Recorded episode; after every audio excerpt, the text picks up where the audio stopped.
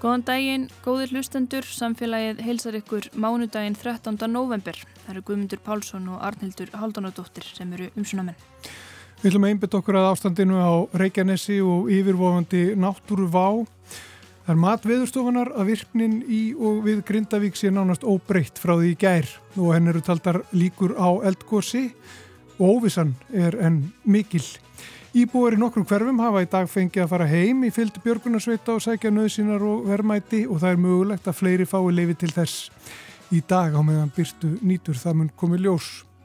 Og yfirvöld standa frammi fyrir ótal verkefnum. Það þarf að greiða úr húsnæðismálum, skólamálum, atvinnumálum og afkomi íbúa, afborgunum lána og ýmsu praktísku og styðja við þá með ýmsum hætti, veitaðum upplýsingar. Við verðum með hugan við þetta allt í þætti dagsins en við byrjum á vettvangi stjórnmálana. Alþingi uh, fundaði núna klukkan hálf eitt, það er þingfundur í gangi og þar er tilgákurinn að ræða frumvarp um vernd mikilvægra innviða á Reykjanes skaga. Við viljum heyra hvað fórsættisráð þeirra sagði þegar hún mælti fyrir frumvarpinu núna rétt áðan og hörskuldu Kári Skram, fréttamaður, þekkir þetta mál vel og ætlar að fara yfir það með okkur hér eftir smástund. Við viljum að byrja á því.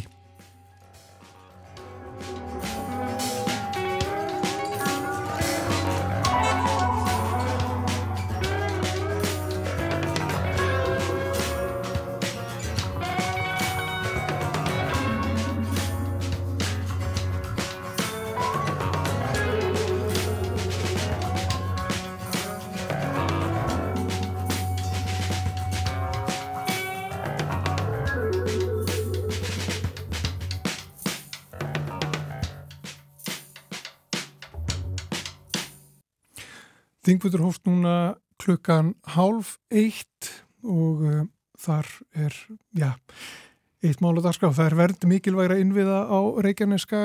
Hörskuldur Kári Skram, fréttamaður sestur í okkur, velkomin til okkar. Takk. Uh, þetta mál, getur þú sagt okkur um hvað þetta snýst?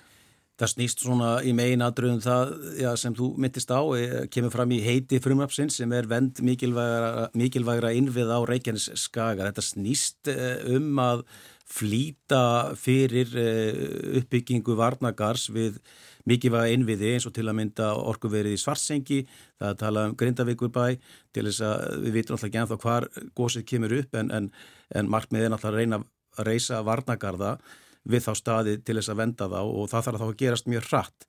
Og það eru náttúrulega skipilarslög í gildi hér á landi og til þess að að það takk ekki langan tíma að fara í gegnum alltaf ferli þá er þess, þetta frumab lagt fram til að stjórnveld geti gripið til uh, aðgerða og framkvæmda sem fyrst. Það raunverulega er aðal markmið frumabsins.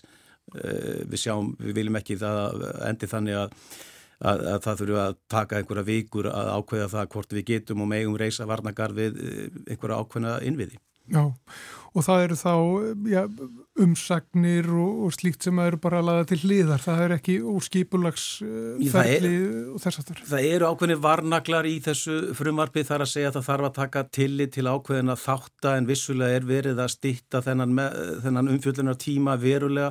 Eh, það er hortið þess að hefja framkvæmdir við varnagarða strax í þessari viku eh, þannig að ég held að markmiði hljóta að vera að þetta geti gerst mjög hratt og svo er inn í þessu frumarfi líka lagt fram eh, já, svona ákveðina leiði til þess að fjármagna þessar framkantir. Eh, það fer í gegnum eh, brunatryggingar, þar að segja að það leggst á 0,08% gjald aukalega og mann á það brunatryggingar sem fólk er að greiða í dag. Þetta getur verið eitthvað stára bilinu 5.000 til 10.000 krónur fyrir eftir verma til fastegna. Ég hugsa að flestar fastegni séu á þessu bíli, við erum að tala um fastegt sem er brunabótamat upp á 50-60 miljónir upp í 100-110 miljónir þá erum við að tala um þennan 5-8-10 skonur á ári. Þannig að þetta er svo sem ekkit verulegar fjárhæðir fyrir fólk en, en þetta mun leiða til þess að ríkisöðu fær þá peningi í, ríkiskassan. Að tala um að það skili einu miljardi á þessu ári. E, bara það að reysa þessa varnagarda við svartsengi er já, áallad, kostnar við það er áallar um 2,5 miljardur þannig að við sjáum það strax að þetta er, ja, þetta er kostnæðsum framkvæmd og, og mikilvægt að það séu til einhverju peningar í ríkiskassanum til þess að fara í þessa framkvæmdir. Já, En núna er þetta mál, það verið að ræða það núna og það verið gert næstu, ég hef að segja klukkutímana? Já, nei, það er, mér sýnist nú öllu að það er nú oftast í svona tilvikum þar sem hefur verið að afgreða frumar pratt í gegnum alþingi þá er búið að ná samkúmulega um það hvernig umræðunum er háttað. Það er yfirlt þannig að það kemur einn fulltrúið frá hverjum flokki og tekur til máls. Í þessu tilviki vantarlega einhverju þing með líka uh, suðurkjördami sem vilja tjásu um þessa stöðu sem er uppi.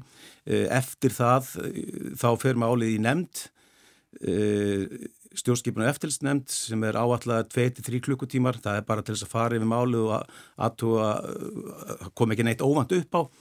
Og ég hugsa að það að, að síðan verð, hefst önnur umræða bara fljótlega eftir það sem verður þá síðdeis millir kannski fjögur og fimm og, og, og, og svo þriðja umræða strax í kjölfarið þannig að það er hægt að greiða atkvæði og afgreða þetta mál jafnvel fyrir kvöldmatt ef ekkit óvand kemur upp á. Já. Og að mér sýnist sem svo að það sé þverrpolítiskur vilji og sátt á alþingi um að afgreða þetta frum að prata því flestir skilja nöðsinn þess að, að fara rætt í framkvæmdir. Mm.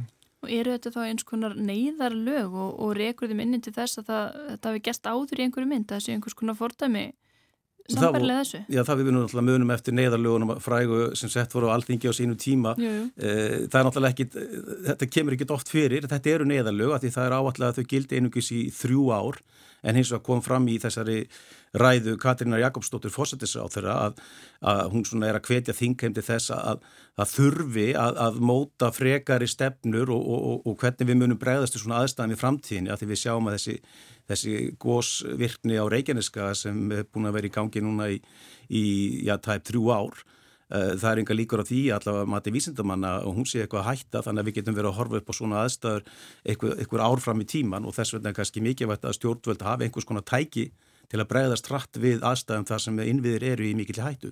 Með mitt. Hörsköldur Kári, við ætlum að leipa þér í vinnuna nú að gera hjá þér. Hörsköldur Kári Skræðan Fréttamaður, takk fyrir komuna til okkar í samfélagið. Við ætlum að, að hlusta á um, ræðu Katrínar Jakobsdóttur þar sem hún mælti fyrir þessu frumvarfi hér bara fyrir nokkru mínundum síðan. Herra fórseti uh, ég vil nú í fyrsta lagi þakka kjalla fyrir uh, samtöl við formen flokka á alþingi um það að greiða fyrir því að þetta mál geti hér komist til dagskrá og verið tekið til umræðu hér í dag. Uh, Þetta frumvarp snýst um vend mikilvægra innvið á Reykjanesskaga. og það er auðvitað ekki léttvæg staða sem veldur því að Alþingi Íslendinga þurfi að taka slíkt frumvarp til meðferðar og ég held að við getum öll verið sammála um að sú tilfinning er áþreifanleg hér í salnum. Framvinda jarðhræringa á Reykjanesskaga undanfarnar vikur er með stærri atburðum á síðari tímum en á föstudagskvöldið ákváðu almannavarnir að rýma bæinn og lýsa yfir neyðarstigi því ekki var hægt að útiloka að sá kvikugangur sem hefur myndast á þessum slóðum gæti náð til bæjarins. Ákvörðunin var fyrst og fremst tekin með öryggi íbúa í huga en eins og við öll getum ímyndað okkur er það risastór ákvörðun að biðja fólk um að yfirgefa heimili sitt með skömmum fyrirvara ég er ekki í nokkrum vafa um að hv. þingmenn hafa verið í samskiptum við Grindvíkinga nú um helgina og við finnum öll hversu þungt þessi óvissa hvílir á þeim.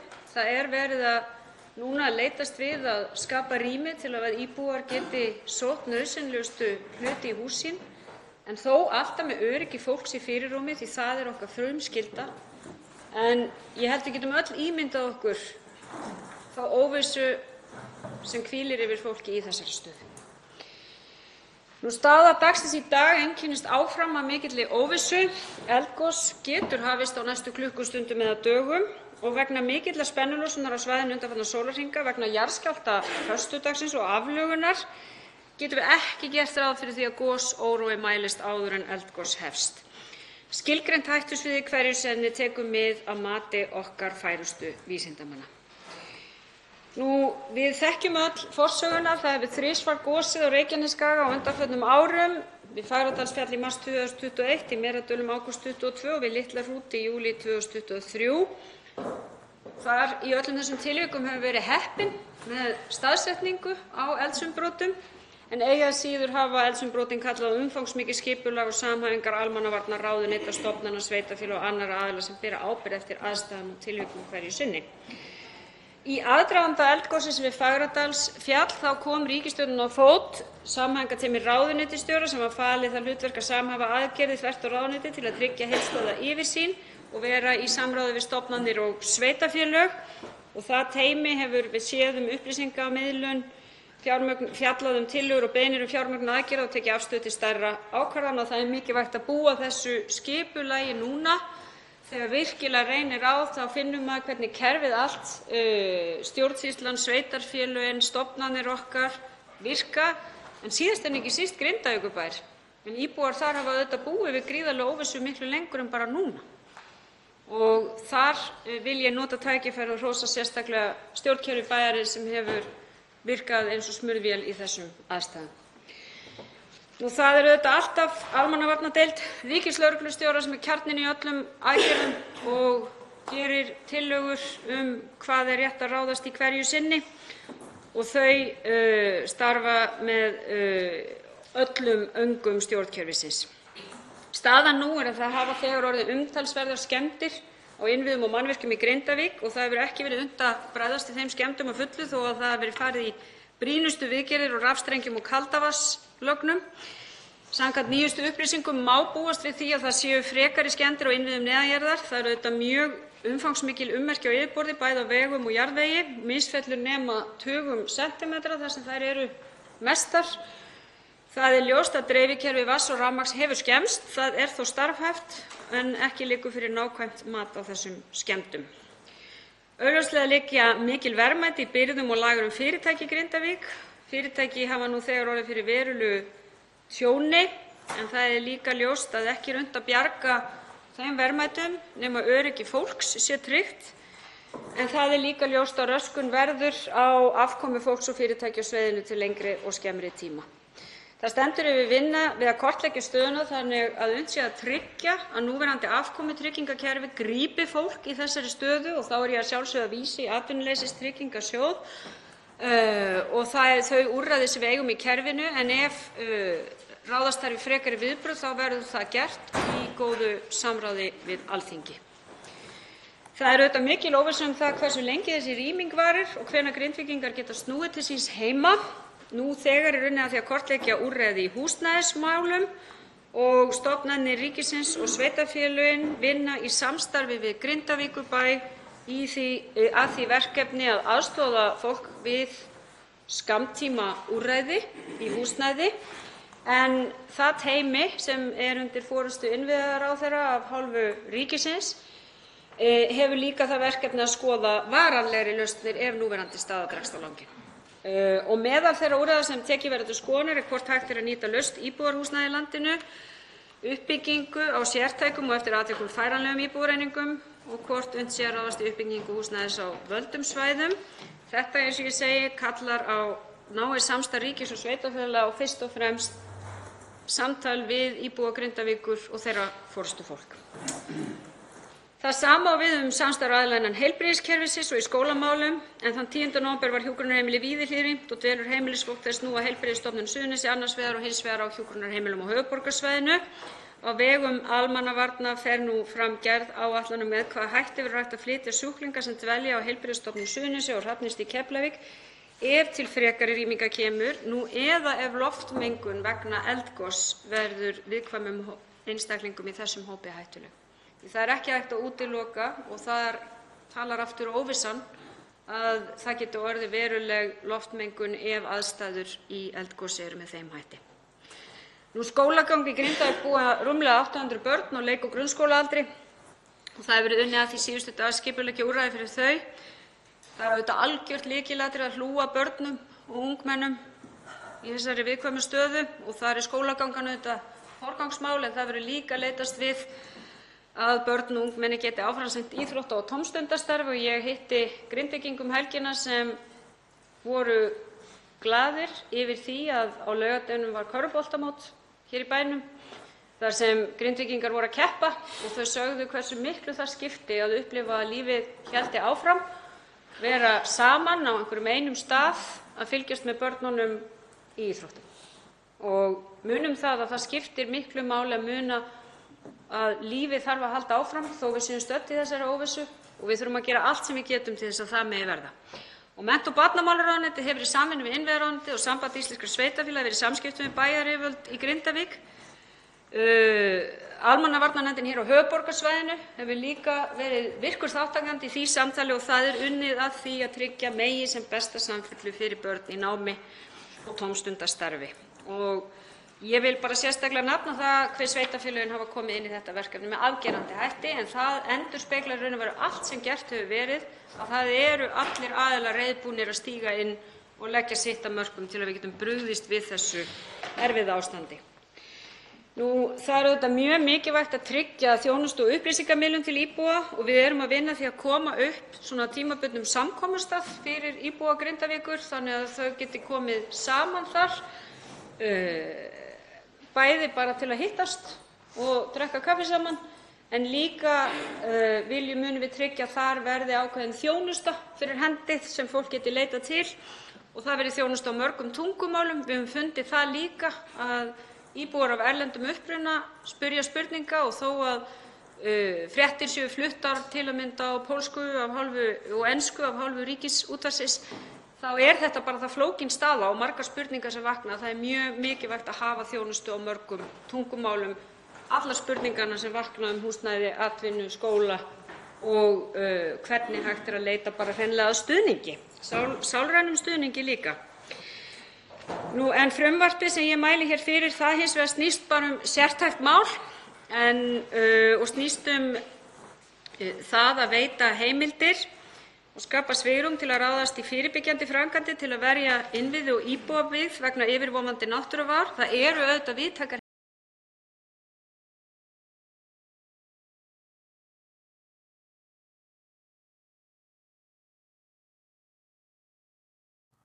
Já, nú uh, þarna uh, mistum við sambandið uh, við Alþingi sem við vorum með hér vorum að hlusta Katrínu Jakobsdóttur fórsættisráð þeirra þar sem hún mælti fyrir frumvarpi til laga um vernd mikilvægra innviða á Reykjanes skaga Þetta verður rætt síðan á Alþingi framhaldinu. Er, er verið að ræða þetta þar svo núna? Svo umræða er í gangi. Og hörskuldur að... Kári Skram fréttamaður sagði okkur hér á þannig að mögulega væri bara hægt að afgreða þetta sem lög fyrir kvöldmatti ef að vilji stendur til þessi á því öllum þingflokkum. Já, einmitt. Máli fyrir nefnd og það verður rætt þar, svo er, er, eru fleiri umræður og að lókum væntalega líkur þessu málu með atkvæðagreyslu um, í framhaldinu. En eins og við segjum þá er sambandið að stríða okkur hér í beinni útsettingu hér í, í samfélaginu. En það verður fjallað um þetta mál nánar í öllum frettum okkar vantanlega í dag á hjá Ríkisútarpinu. Þetta er afskilt trösti. Skulum leipa honum að og lag sem heitir Nýfalli regn.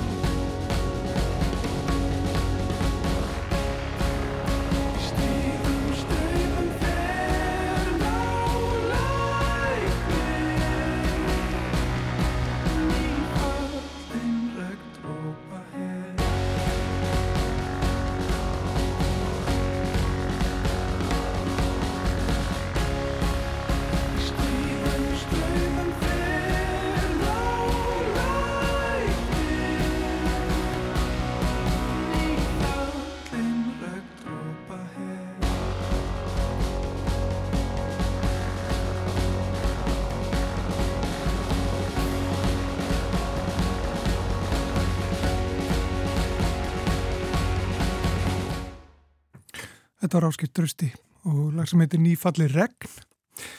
En áfram heldur við með samfélagið. Uh, við erum með á línunni uh, Kristjónu Aðalgersdóttur, uh, arkitekt og ég sérfræðing í rauninni í því hvernig á að bregðast við svona neyðar í neyð og þá í rauninni þegar kemur að, að húsnæði, húsakosti Uh, Kristjana, þú hefur til dæmis unni rannsóknir á, á viðlagasjóshúsunum og, og ert núna í Úkrænu á vegum Alþjóða Rauðakrossins. Getur þú bara svona, til þess að byrja með sagt okkur hvernig þessir viðburðir sem að hafa átt í staði Grindavík undanfatna daga blasa við þér?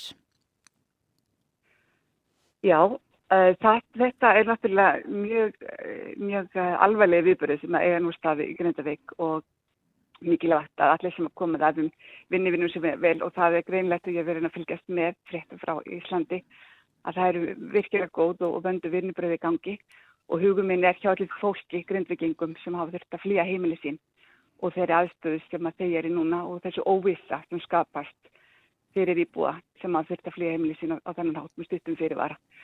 Uh, og ég vona bara að, að áframhaldi verði áfram, um, áfram gott og, og, og þetta leysist á sem bestan hátt.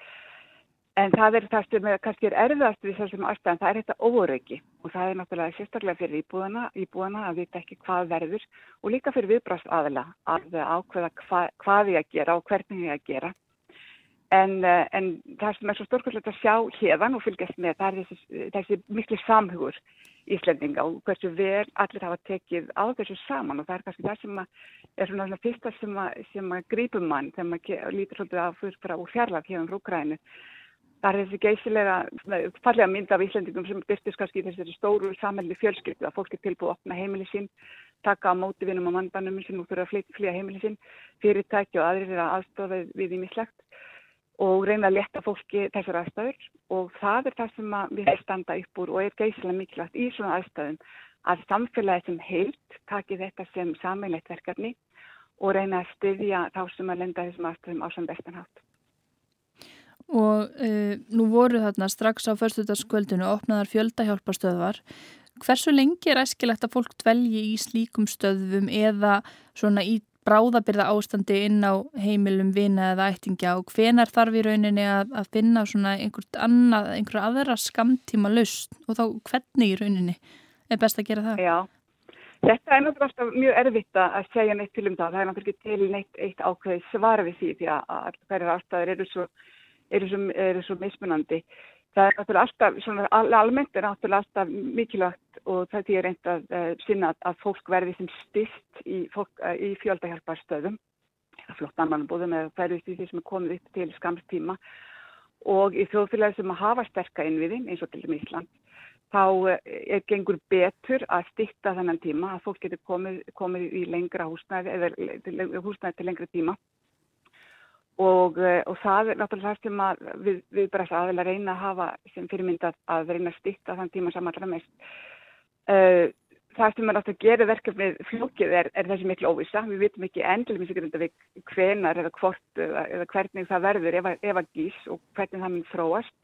Og það er kannski mjög merkilegt fyrir úsletning að hafa núna í, í samtíma stögunni annað svona verkefni, uh, elgósið sem var í vettmanni fyrir 50 ánum síðan. Og við getum svo mikið lært af þeim viðbröðum og hvernig, hvernig það tekist af það verkefni. Og, og, og, og af mörgum fleirum stöðum í heiminum líka hvernig, hvernig svona húsnæðslöfnir hafa verið gerða fyrir fólk sem fyrir að flýja heimil sem er stuttum fyrirvara. En það er þessu óvista sem er alltaf erfiðust og það er svona svo mikilvægt að hafa nokkra mismunandi skenaðu eða mismunandi löfnir og það er alltaf talað um það að, að, að, að mikilvægt að hugsa til langt tíma lausna strax frá fyrstu, fyrstu, fyrstu viðbröðum. Já, og þú nefnir það sko en, en nú er, það er ekki farið að gjósa, við veitum ekki hvort það kemur til með að gjósa. Eh, við, við viljum kannski ekki fara að eh, horfa á einhverja svörtustu myndir sko um að, um að fólk kannski komi til með að missa heimili sín til lengri tíma litið, að það gjósi bara þarna. Þannig að sko þegar við talar um að, að horfa til langtíma lausna frá fyrstu dögum sko og líta aftur í tíman til, til Vestmanægagossins og viðlagasjóshúsana Hvað mm. hvað áttu við í raun? Þetta er bara að við getum svo margt lært af sögunni og, og það er svo margt sem, að, sem, sem að við höfum nálað okkur sem að getur sínt okkur á mismöndarlausni sem við getum dreyið bæði álöktanir að og lært af og ég held að það sé mikilvægt núna áður en gís og áður en okkur gerist að vera ekki ofmikið að versta fyrir sér kannski svörtustu, svörtustu framtíðastíninni en að vera viðbúin uh, og hafa hugsað svolítið fram í tíman að hvaða, hvaða möguleikar eru í mismöndi stöðum. Og það er kannski það sem ég ávið að já, í ánþess að vilja velja að draga af einhvern veginn dökka mynd og við, eins og ég sagði að við vitum náttúrulega ekki hvernig þetta þróast í framtíðinni. En, en það er, eh, eru margar lausnir til og það, og það er margt sem við getum lært meðal annars af eh, afðilega súsúsúsum og, og því sem að hvernig maður bröðist við í Vestmannheim og mörgum öðru stöðum í heiminum líka. Mm. Þú rannsakaði nú sérstaklega ymitt uh, eh, viðbröðin uh, eftir, eftir górsið í, í eigum. Uh, hver er stóri lærdómarinn sem við getum dreyið af viðbröðinu þá? Já, saga viðlæðsúsuna er mjög merkilegt og, og líka í, í, svona, í starra samhengi hvernig var brugvist við og hvernig íslendingar sem, sem samheldin þjóð tókst á þetta mikla verkefni.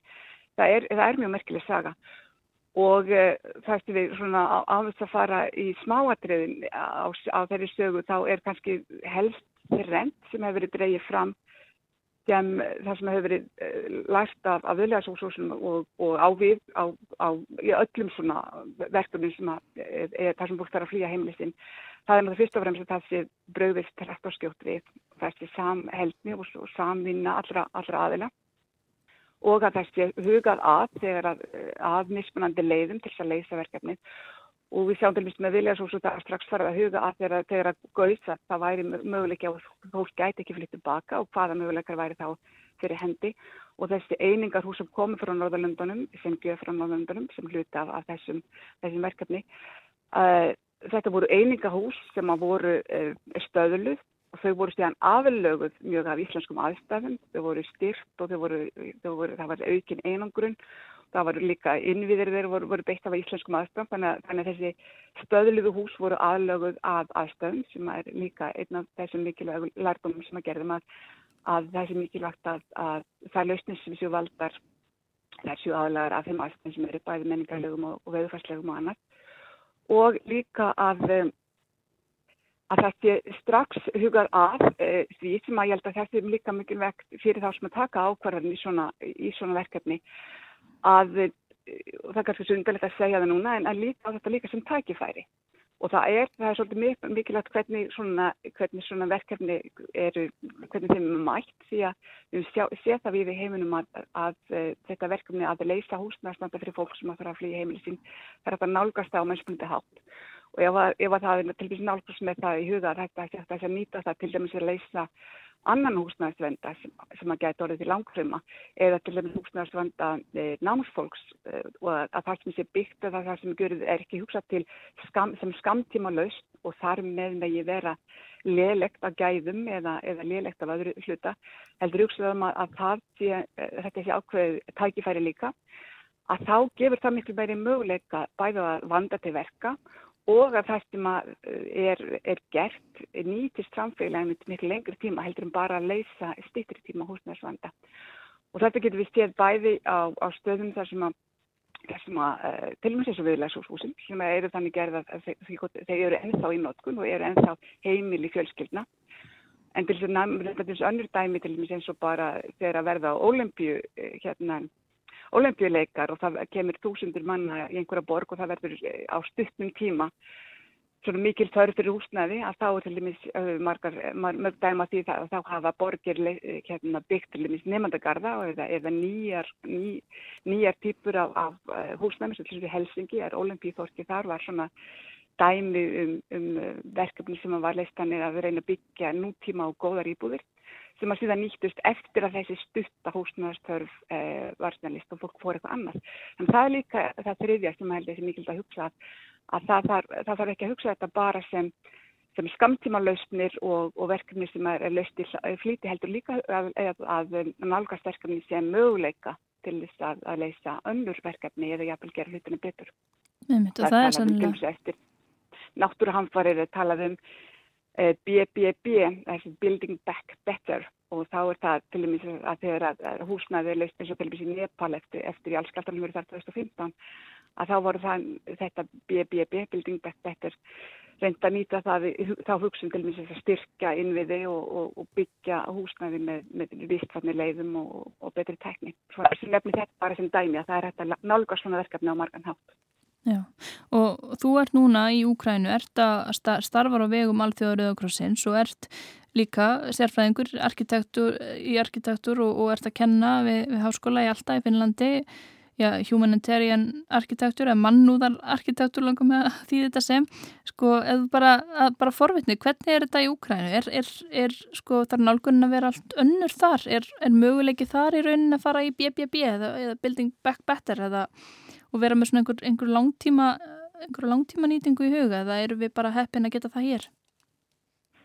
Já, þetta, það er, það er náttúrulega, það er náttúrulega svona grundilega mismunar því að, að veina í húsnæðstöðstum fyrir fólk sem er í, í stríði, miði í stríði, eða eftir náttúrulega þess að fólk getur öll að komast tilbaka eða vonandi eftir húsinsinn og bara aðstæður eru, eru mismunandi þegar, þegar eru vopnað átök eða náttúrulega hamfari. En já, hér í Ukrænu þá er, þetta er náttúrulega geysilega stórt land og, og, eh, og það er náttúrulega mjög mismunandi hvar í landinu við erum að tala um. Það er náttúrulega það sem eru vopnum átök núna í norður og sjölutum, ég var þar núna í síðust, þar í síðustu viku. Það er náttúrulega allt önnur verkefni sem að mæta fólki að þegar að fólk verður fyrir stöðu og árásum á húsnæði þá er það náttúrulega stittir tíma að gera við húsi stittir tíma bara að það sem að vernda fólk fyrir elementunum að rigningu og, og roki og, og annað að fólk hafi einhvern stað til þess að vera á sem að er eitthvað öryggi. Eh, svo er náttúrulega annars stöðu til eins og hér í, í Kíf og, eða Irbin sem getur verið nefnt sem eitt, eitt bær hérna norðan við, norðan við Kíf þar sem að 70% af bænum var, var fyrir miklum átökum og eðilaðist fyrir rúmulega árustíðan og þar hefur orðið geysilega mikil uh, uppbygging. Og uh, ég heimstótið yfirbyrðið núna fyrir nokkru viku síðan og það var mjög verkefnilega að sjá einmitt að, að þetta BBB hefur einmitt tekist á mörgum hluta vel þar. Og þar eru spennandi verkefni í gangi þar sem er verið að byggja nýjibúða hverfi á rústum þeirra sem voru reynilega gjörsanlega með rúst. Og, og nýjibúða rúst sem eru byggð á, á vistvannan og, og svona nútímanlega máta á, á rústum þeirra sem að, sem að sem að eðilöst í stríðunum. Þannig að það er, er bæði og, en séð að, að verkefni hér útælega út, er, er mjög mismunandi eftir hvar, eh, hvar við erum. Svo er náttúrulega hlutir líka að það er ennþá mikið að flotta mennum, það er talað um að 7 miljónir manna sem er á flotta eða eru sem sagt utan síns heimilis uh, innan Úkrænu, þau eru utan þá 7 miljónir sem eru á flotta í Evrópu og meðal annars á Íslandi. Íslandingar hafa sem betur fyrir geta tekið vel á móti þeim sem hafa komið þangað og það fólk er svo eins og þriðjahópurinn sem þarf líka aðstofið við húsnæðslustur, fólk sem er ekki getur kjömið til heima en, en er þetta flotta hér innan. Takk fyrir að ræða við okkur um, um þetta og þessi, þessi úrlösnaröfni sem, sem að býða. Takk að það kærlega og ég sendi bestu hverfið til Grindvíkíka og alla þeir sem er standað aðgerðum á Íslandi.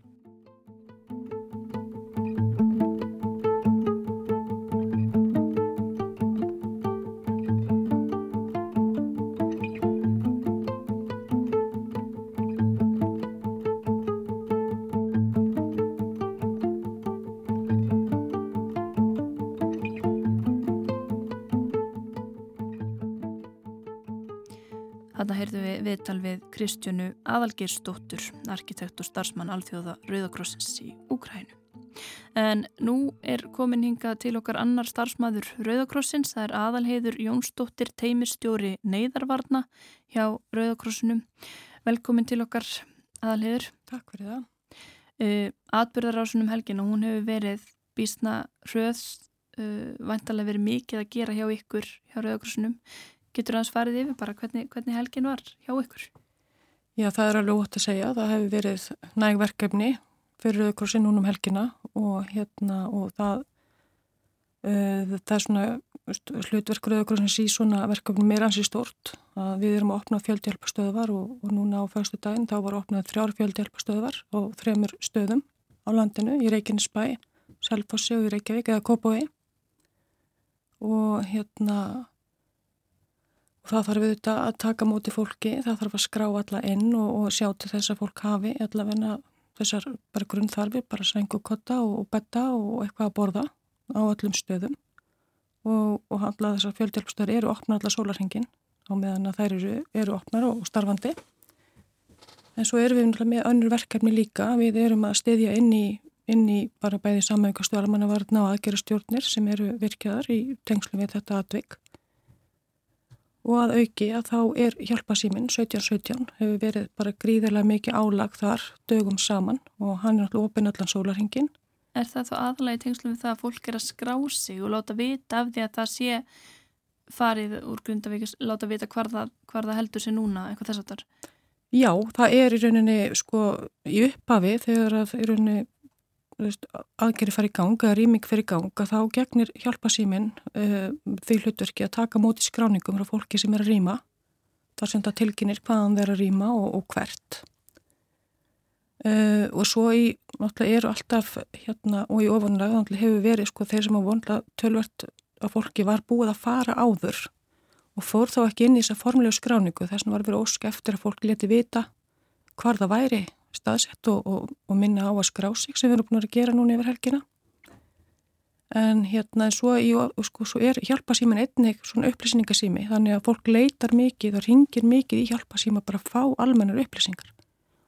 Og til dæmis bara er búið að vera gríðlegt álag varðandi uh, þessir, þessar heimildir til þess að fara að sækja verðmæti og annað og svo bara svona almennar upplýsingar þú veist það er bara aðstæðar fólks er bara mjög misjafnar fólk er einmitt að ringja, það hefur kannski útvöðað sér gistingu í eina tvær nætur og þar svo að finna aðrar, aðra leiður og lausnir í kjölfarið og, og það er unni, já, þannig að það eru svona, það er ímis, ímis verkefni sem að Rauðikrossin er í þessa dagana.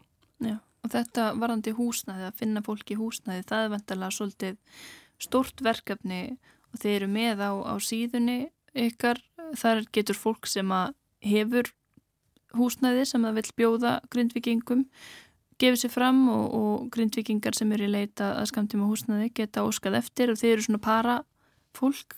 Hvernig hefur þetta gengið og, og hversu margir hafa bóðið húsnæði að óskað eftir þarna? Já, það var allir bara ljósta bara mjög fljótlega þá fór fólk að ringja einmitt í 1717 og bjóða fram húsnæði og, og slikt og bara til þess að við gætum haldið utanum þetta á einum stað og þá að farið þá leið að fólk myndi bara skrá sig hvaða hefði til bóða fyrir fólk sem að hérna, sem var að bjóða grindvikingum aðstöðu eða, eða gistingu og úsnaði og hérna og þannig að það, er bara búið að vera að reyna að vinna úr þeim lista.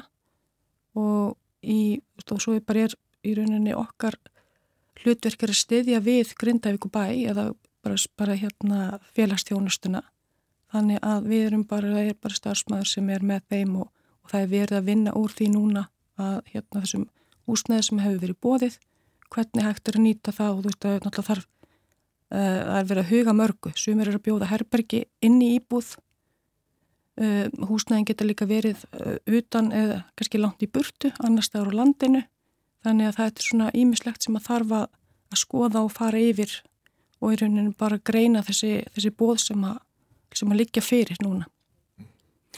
Hvernig með stuðning svona, það er náttúrulega áfall að, að, að, að þurfa að rýma uh, húsnæði og, og heilan bæ og þarna er heilt samfélag sem er náttúrulega sarta binda. Er, er stuðningur frá Rauðakrossinum í bóði? Já, það er það. Það er hjálpa síminn enn og aftur. Það fólk er að ringja og bara til að spjalla ef það er með vanlega neða annað slikt eða bara áhyggjur. Þetta er bara bara mjög skilinlegt að, að það sé bara margt sem að liggja á fólki þessa dagana. En svo hafa verið viðbarsópar í salna stöðninga hafa verið í fjöltjálpstöðunum núna alla helgina meir og minna með viðveru. Þannig að það er svona nokkur, nokkur greið aðgangur í, í spjall hefur verið núna. En svo er bara hafinn vinna við undirbúning við með þennan sáluna stöðning svona á, á komandi dögum og vikum.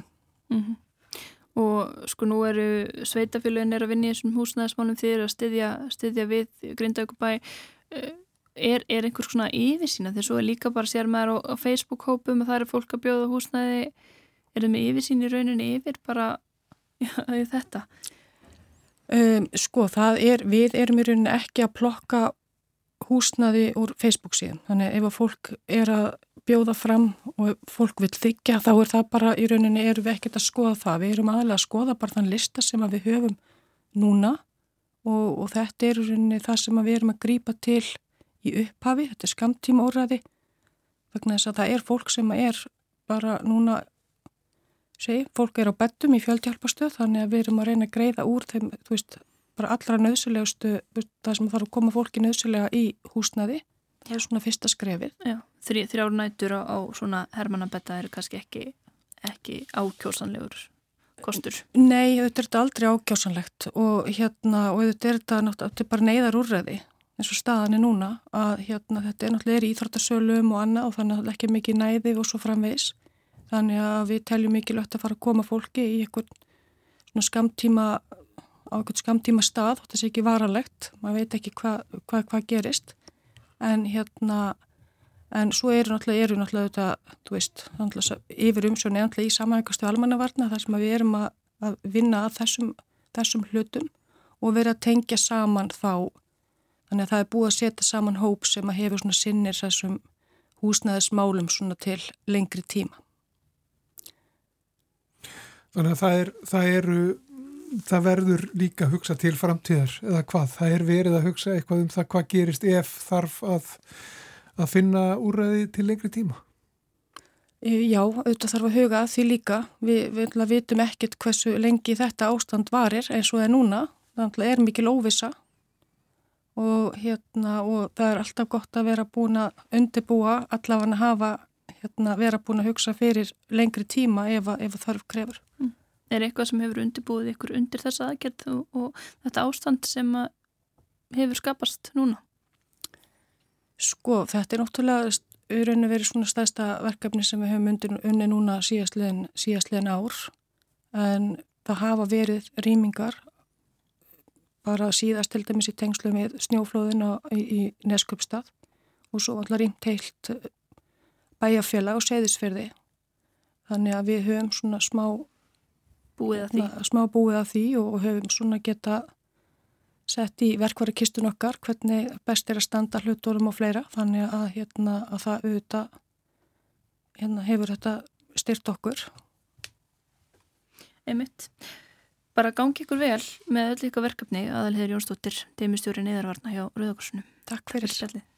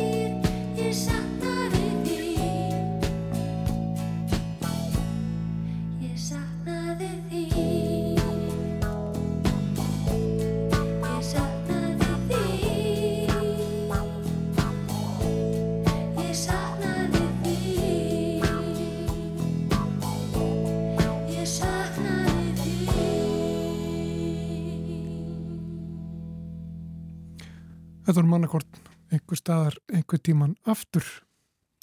Já, en uh, þá ætlum við að uh, heyra aðeins í henni önnu Margretti Áslögardóttur hjá samtökunum Dirfin. Hún er ráðgjafu og sjálfbóðaliði hjá þessum samtökum og er á línni hjá okkur. Heyri okkur, Anna? Já, ég er hér. Eh, þið skipuleikist björgun gæludýra og það hefur hérna verið bílalest eh, að bílastæðinu við Faradalsfjall í, í dag og, og fólk Já. fær að fara heim og, og þið hafi verið þarna á bílastæðinu satt, með, með viðbúnað og, og aðstóð. Jú, við komum hérna bara um tíu halv allir í morgun og hérna og um, þar sem við fengum svona fregnir að því að það eru eitthvað gert í dag þá drifum við okkar að staða. Og hvað... Um, við, Já. Hvað hafið þið verið að gera? Við erum náttúrulega reyndum að, að fá að komast uh, inn á svæðið en, en það stoppaði alltaf einhver staðar leifið og hérna uh, þannig að, að við sem sagt erum samt núna búin að ná loksins samtali við þann sem ræður og, og hérna og við leifum auðvitað eigundum að ganga fyrir að fara inn og sækja sínar eigur og sín gælitýr en, en við, þannig að við erum að hingra bara hérna á bílastæðin en við erum með bíla fulla búrum. Við erum með þess fyrir fólk sem að glimta að taka búr það hefur að ringja okkur, segja ég bara brunaða stað með vantabúr og, og hérna þannig að við erum hér til staðar, við erum líka með likla frá öðrum eigundum e, þar sem við ætlum að fara inn fyrir þau. En, en við erum hérna aðfendaðum liklana tilbaka þannig að þau geti farið og náði dýrin sín kannski kipt einu tveimu myndalbum með skilru einhverju verðmættum uh, en þau fá all mjög stuttan tíma þannig að, að fyrir manneski sem er kannski með fjóra kísur þá þarf hann bara að setja þær í forgang umfram annað verðmætti. Mm -hmm. Er þetta mörg dýr sem er vitað að, að urðu eftir? Við erum að tala um í morgun það voru ennþá 60 kísur eftir í bænum.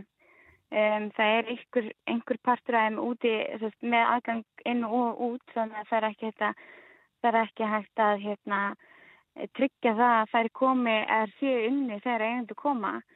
Um, og, og svo eru, var, ég heyra á þann það er búið að bjerga alveg slatta af dúon sem voru hérna, það er samt ennþá eitthvað eftir, kalkunanir komnir, hænurnar eru komnar um, þannig að í í dag vonandi ná sem flestir e, bú íbúar e, Grindavíkur að koma og taka kísuna sína, hamstrana, fiskana, e, kaninnar sem eru inn, innan hús.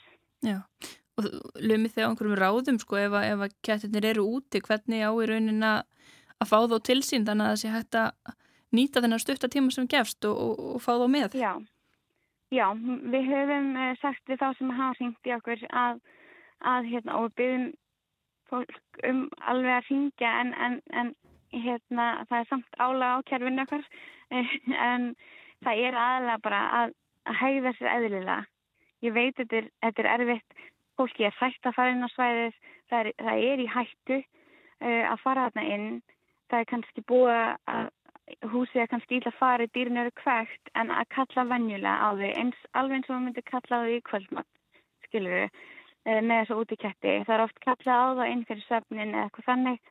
Nota allt það sem er eðlilegt í þeirra rútínu um, þegar dýrin eru komin svo inn að reyna að lokka, það, lokka þau inn í húsi, ekki, ekki alltaf þau úti, lokka þau með dótina með einhverju.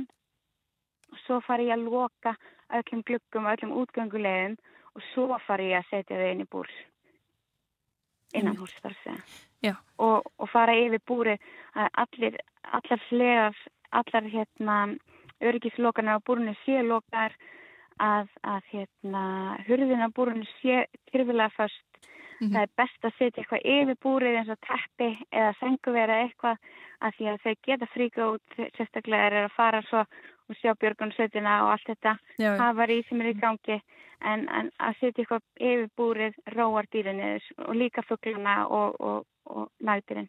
Vonum bara þetta gangi allt sem allra best og það takist að bjerga sem flestum. Takk fyrir þetta Anna Margret Áslöðardóttir. Ekkert mál, takk fyrir. Blei. Og við sjáum núna á öfnum okkar uh, rúbúndris að uh, laurglann leipur öllum íbúum inn í Grindavík, segir hér. Já, það eru góða fréttir fyrir vantala grindvikinga og, og gælutir þeirra. Já, og, og fyrir grindvikinga komast heim.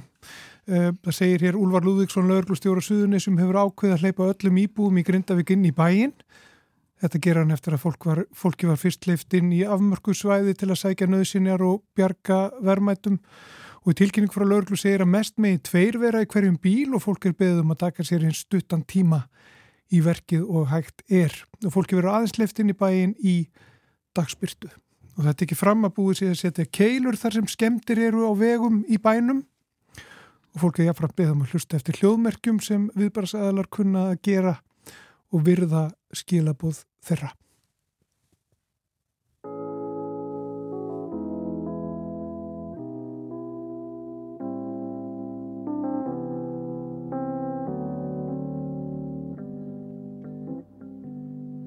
Met my old lover on the street last night. She seemed so glad to see me. I just smiled And we talked about some old times And we drank ourselves some beers. Still crazy after all these years. Oh, still crazy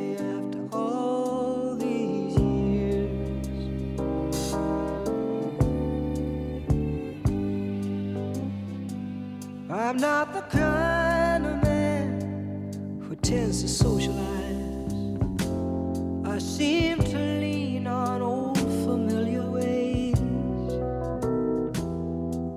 And I ain't no fool for love songs that whisper